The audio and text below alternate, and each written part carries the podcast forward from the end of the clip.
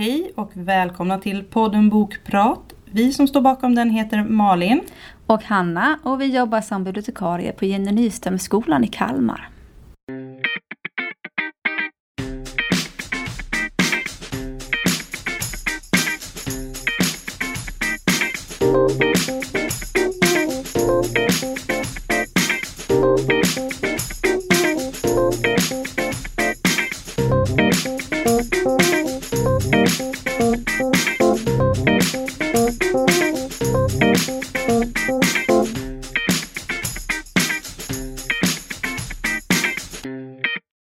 Hej du Malin! Hej Hanna! Nu står vi här igen. Nu står vi här igen, nu är det dags för ett nytt poddavsnitt. Vad kul! Eh, och det börjar ju dra sig mot jul faktiskt. Det gör ju det. Mm, så att vi får väl se om det blir något julpoddavsnitt här sen med jultitlar och så. Men just idag är det inte kanske så mycket jultema. Nej, det är det inte. Kan man det, inte påstå. Nej, Men det kan ju vara tips för läsning till jullovet likväl. Det tycker jag definitivt. Du står med en eh, härligt tjock bok framför dig. Mm, det här är en liten sån här pocket som blir som en tegelsten eftersom Mm. den kommer i pocket. Ehm, som jag tänker kan passa när man kanske har lite extra tid hemma och så. Ehm, för att det här är ett riktigt, ja, ett epos kanske man ska säga. Det här är en bok som har stått på min att läsa-lista väldigt länge. Vi har bland annat en svensklärare här på skolan som vars favoritbok det här i stort sett är och hon talar sig väldigt varm om den. Mm. Och då tänkte jag att det är ingen ny bok. Eh, eh, och jag har tänkt länge att jag skulle läsa den och så har det inte blivit av. Men nu har jag läst den. Och den heter Katedralen vid havet av Ildefonso Falcones. Och den är lite extra speci- eller aktuell för den har faktiskt nyligen kommit som serie på Netflix. Mhm. tror det är Netflix i alla fall. Jag har för mig att det är det. Mm. Eh, och den här är, det är en historisk roman. Eh, den utspelar sig på 1300-talet tror jag det är. Eh, och vi är i Katalonien, i Barcelona. Mm. Eh, eller, Span eller Spanien, Katalonien och främst i Barcelona. Och här handlar vi får följa en Huvudpersonen som heter Arnau. Som, det börjar liksom redan när hans föräldrar gifte sig och sådär och hur hans far tar med honom till Barcelona för han, hans far är nämligen en, vad ska man säga, en träl. Det här är ju sånt här feodalsamhälle med lorder och herrar och vad det nu kan vara, furstar och baroner som liksom har, de äger mark. Och de som bor på den marken är ju trälar eh, som helt enkelt jobbar för den här herren och eh, lever under hans lagar och regler. Eh, och det är ju inte särskilt mycket rättigheter de har på sin sida kan man väl säga. Mm. Eh, och eh, den här pappan då, Ernaros pappa, han vill ju att hans son ska kunna leva ett liv i frihet så han tar sig till Barcelona där man då enligt någon slags lag, om han lyckas bo ett år i Barcelona utan att ens herre hittar en så är man liksom per definition fri. Jaha. Eh, Så de tar sig dit och gömmer sig och jobbar då eller bor som hos hans eh, Arnaus eh, faster och under lite halvbra förhållanden. Och det här blir liksom en berättelse om Arnaus uppväxt. Hur han eh, växer upp eh, som ett slags, alltså de blir som lite av utanförmänniskor utanför människor eller undantagsmänniskor i den här systerns familj då, eller pappans systers familj som är väldigt rik och har det bra.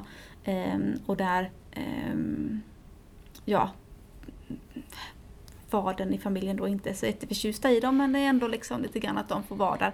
Ehm, och eh, hur Anna och då växer upp på Barcelonas gator. Eh, träffar en liten pojke som han blir kompis med. De springer runt och blir överförtjusta i en viss kyrka. Som Jaha. håller på att byggas, en katedral nere vid Barcelonas hamn eller kust. Mm.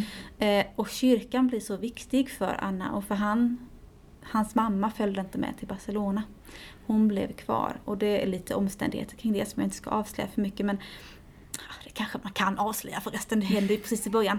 Ehm, de här fruktansvärda reglerna som man levde under som träl eh, medförde, i boken i alla fall, bland annat att den här herren på godset eller marken, Mm. han hade rätt till kvinnorna på deras brudnatt. Nej, fy. Ja, eller hur?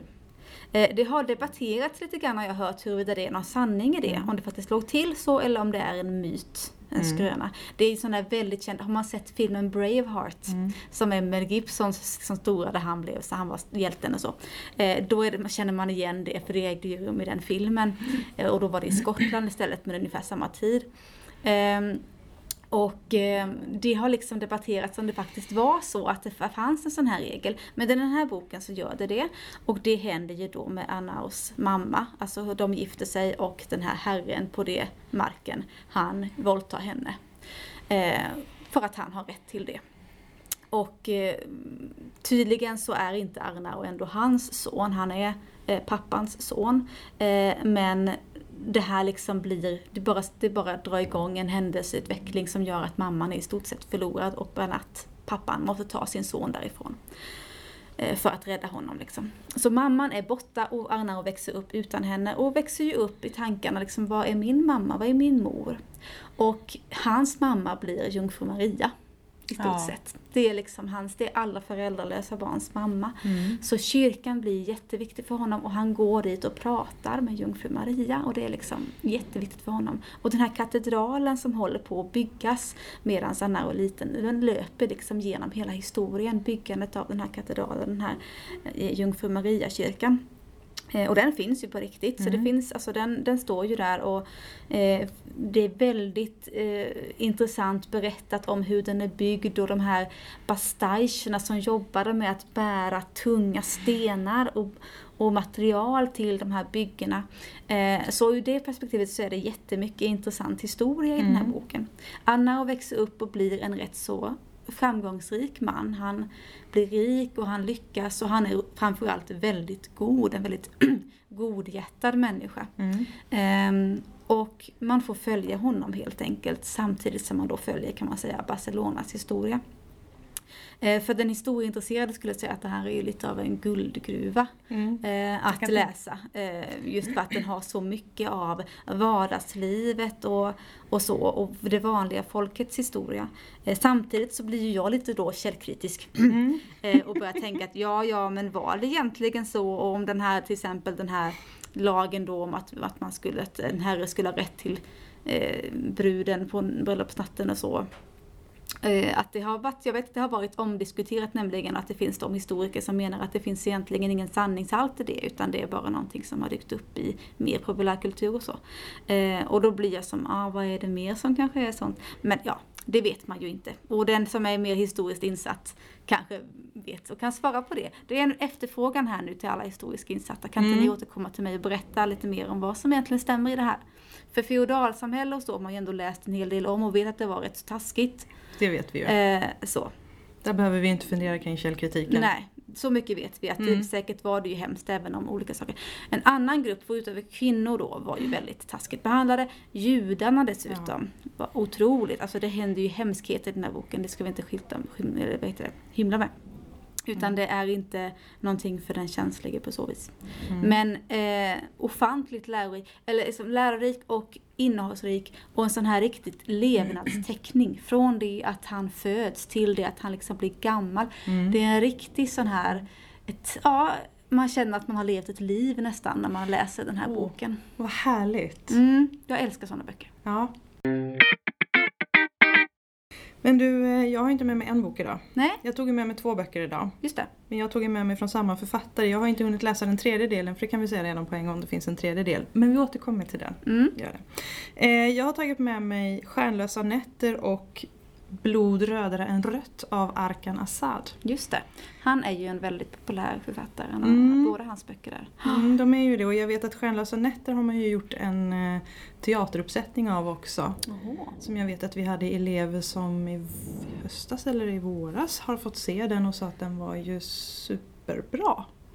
Så att har man chansen och den fortfarande ges så eh, se den förstår Mm, jag det som. just det. faktiskt.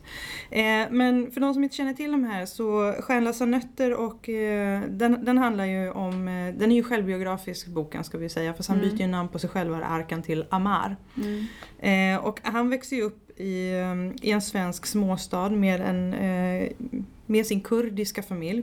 De kommer från Iran. Någon del i Iran har jag för mig att det är. Nej, Irak är det, förlåt. Nu säger jag fel. Irak. Ja, precis. Eh, och i hans familj så är pappan väldigt, väldigt dominerande. Eh, pappans ord är liksom lag mer eller mindre. Eh, men Omar han, han, har ju levt upp, han har ju växt upp med svenska förutsättningar så att han, han vet ju själv vad han vill med sitt liv. Så att han flyttar hemifrån ganska tidigt för han och pappan drar inte jämt. Eh, och han anpassar ju sitt liv efter hur han lever i Sverige. Eh, men så kommer det här då att han har ju ändå kontakt med sin familj och pappan är väldigt påstridig i att de ska åka ner till Irak där en sommar och hälsa på familjen och de ska bila ner, det ska liksom, man ska sova i bilen och såna här saker. Det ska liksom inte vara någon skön resa på så sätt utan den ska vara ganska brutal och det är väldigt så tjatigt med Mm. den här resan. Och egentligen så vill inte Amar åka med men, ja, men han gör det. Det var länge sedan han var och hälsade på släkten och han saknar sina kusiner och såna här grejer. Eh, och de åker ner. Eh, det är en strapatsfylld resa genom Europa. Och väl på plats i Irak så blir det ju en extrem kulturkrock. För honom främst. Eh, Amar är ju av sin uppväxt i Sverige fullständigt så är det helt klart för honom att man, man tar hand om sin egna disk, man lagar sin egna mat. Men när han kommer till släkten i Irak så blir han bortkörd. Kvinnorna tar över för det är ju deras roll i livet. Eh, det fnissas och man skrattar och han tycker liksom att det är någonting konstigt hela tiden i luften men han förstår inte riktigt. Tills man säger att ja, men du ska ju gifta dig med din kusin eh, Amina. Det är ju därför ni är här, för att ni ska ju gifta er. Eh, och för honom blir det ju en stor chock över att pappan då har bestämt det här över huvudet på honom för det är ju det, är ju det han har gjort. Eh, och han vill absolut inte gifta sig med henne. Eller han vill inte gifta sig alls. Kan man säga. Han tycker han är alldeles för ung för han är ju Mm. bara runt 18 år när det här inträffar. Eh, men det är så extremt mycket påtryckningar så till slut så säger han då ett svagt ögonblick att om jag, vi gör väl det. Och då blir det ju panik i lägen för att då ska det här ordnas så fort för de ska ju snart åka hem och han hade tänkt att om jag säger det nu så slipper jag det här. Mm. Men det blir ju ett giftermål om det är dagen efter eller någonting. Det är liksom bara pang på här. Eh, I och med att han är ju svensk medborgare så var ju planen att man skulle få hit Amina. Mm. Eh, men han lämnar ju henne i Irak med löfte om att han ska hjälpa henne och få hem henne till Sverige då. Men eh, ja, hon blir ju sittandes i Syrien då för det är tydligen någonting med att man måste åka till Syrien för att göra en del Mm. av den här processen om uppehållstillstånd till Sverige och vad det nu är. Eh, och ja, han har väl aldrig egentligen någon tanke på det här och han blir väldigt så deprimerad när han kommer hem så att han börjar dricka väldigt mycket. Eh, och eh, ja, helt plötsligt inleder han en relation med en kvinna som han vill ha en relation med. Ehm, det, det är verkligen en, en omvälvande roman på många sätt för här får vi ett heders, alltså förtryck som är på en annan nivå än vad vi är vana att höra om. Eh, och när jag pratade med några utav de elever vi har som är nyanlända om det här när jag hade läst boken så fick jag det bekräftat att det här var väldigt, väldigt vanligt. Mm. Så det är väldigt nyttigt för oss att ehm, få läsa om det, ska Mm. man säga. Precis. Eh, den andra delen, Blod rödare än rött, eh, det är också Arkan som har skrivit. Eh, men i den här boken så får vi lära känna hans pappa Kasim. Eh, vem är pappa Kasim bakom den här hårda ytan? Mm. Eh, han, han har ju i Stjärnlösa nötter framstått som en väldigt grym pappa som inte vill acceptera och förstå saker och ting. Eh, och jag menar, det kan man någonstans förstå att det finns ju en historia som har spelat in väldigt mycket. I sin eh, uppväxt så var ju pappan en liksom cool kille men han kanske inte var helt eh, den bästa alla gånger. Han, han hamnade ofta i slagsmål och han gick sin egna väg kan vi lugnt säga. Eh, för att han hade ett humör och en vilja som, som var som den var liksom. Eh, och hans, hans föräldrar ville ju gifta bort honom då. Mm. Det var det, han, han var ju på fria stråk i föräldrarnas värld och han, han gjorde väl sitt bästa för att inte bli gift då. Men eh, till slut så sitter de med en kväll i alla fall och det är, han ska gifta sig med en kvinna man har bestämt att ja, men det här är liksom sista chansen nu för du kommer få dåligt rykte. Men det är bara det att han blir ju kär i lilla systern som inte alls är den som han ska gifta sig med. Dessutom så är hon bara 13 år. Jag återkommer till detta. Eh, men eh, han vill gifta sig med henne och hon går med på det så de gifter sig. Kort kort efteråt eh, så blir han tvingad till militärtjänstgöring. Eh, för att strida då. Eh, och under hela den här militärtjänstgöringen så längtar han bara hem. Eh, han vill ju ingenting annat. Eh, och så får han en permission och kommer hem och förstår ju att någonting står inte rätt till. Hans fru Jamila har blivit mamma Fatemas hackkyckling. Mhm. Så att svärmor hackar på svärdottern hela tiden då och det är allting hon gör är fel, hon är värdelös och det är en det ena, en det andra. Ehm, och det här beror då på att Kasim är sin mammas favoritson. Mm. Alltså hon, jag tror att han var äldst dessutom i sin syskonskara så att det Mm. blev väl Lisa och hennes förstfödde där liksom. Men ehm, i alla fall så föder Jamila ett barn och då blev ju hennes liv lite lättare för då strömmade ju allting över på det lilla barnet där då. Mm. Eh, under hela den här tiden så befinner sig Kasim väldigt långt ifrån sin familj. Han Mm. strider mot Iran. Eh, och det här är ett väldigt, väldigt tufft liv som han lever. Man får, man får läsa lite om det också, vad det Mm, innebär. Eh, och under en permission, eh, tror jag det är, så bestämmer han sig för att han ska desertera. Mm. Han känner bara att nej, men det här går inte.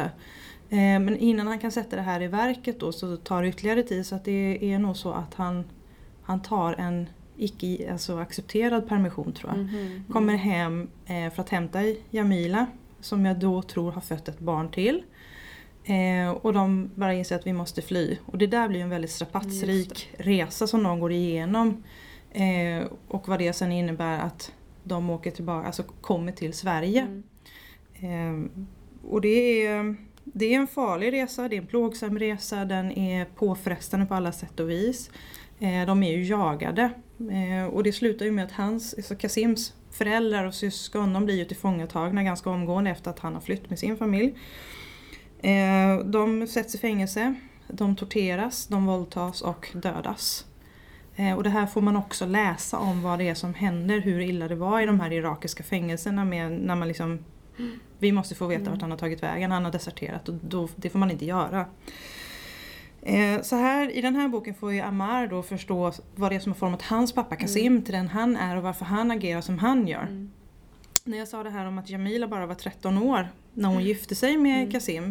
Eh, det är ju ingenting som Arkan Assad, vad jag förstår det som, egentligen höjer på ögonbrynen över. Utan det är ju liksom fullständigt normalt. Mm. Det är väl vi i västvärlden som, som höjer på ögonbrynen.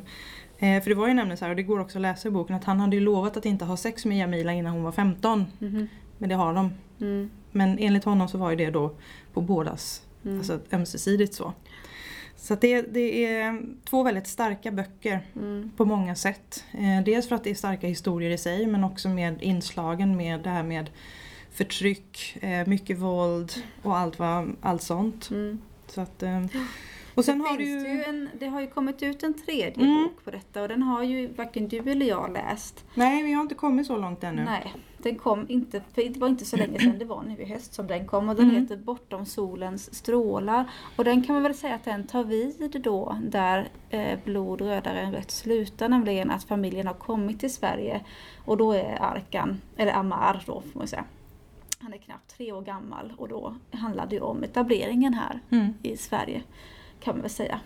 Ehm, och kontakten med hemlandet ehm, som kanske efter ett tag börjar uppstå igen då efter många år av tystnad för att man inte vill att det finns en sån fortfarande en jakt på eh, Kasim då eller på familjen. Mm. Eh, så där ehm, kan jag väl tänka mig att den handlar mer om just det här att bygga upp ett nytt liv, ett nytt land och framtidstro och våga släppa och sådana saker. Och, eh, och för Amar blir det ju då det här lite slitningen mellan att vara i den enda värld som han känner till eller minst kontra det som föräldrarna har släppt efter sig då eller lämnat efter sig. Så, att, Ja, mm, jag tror det också.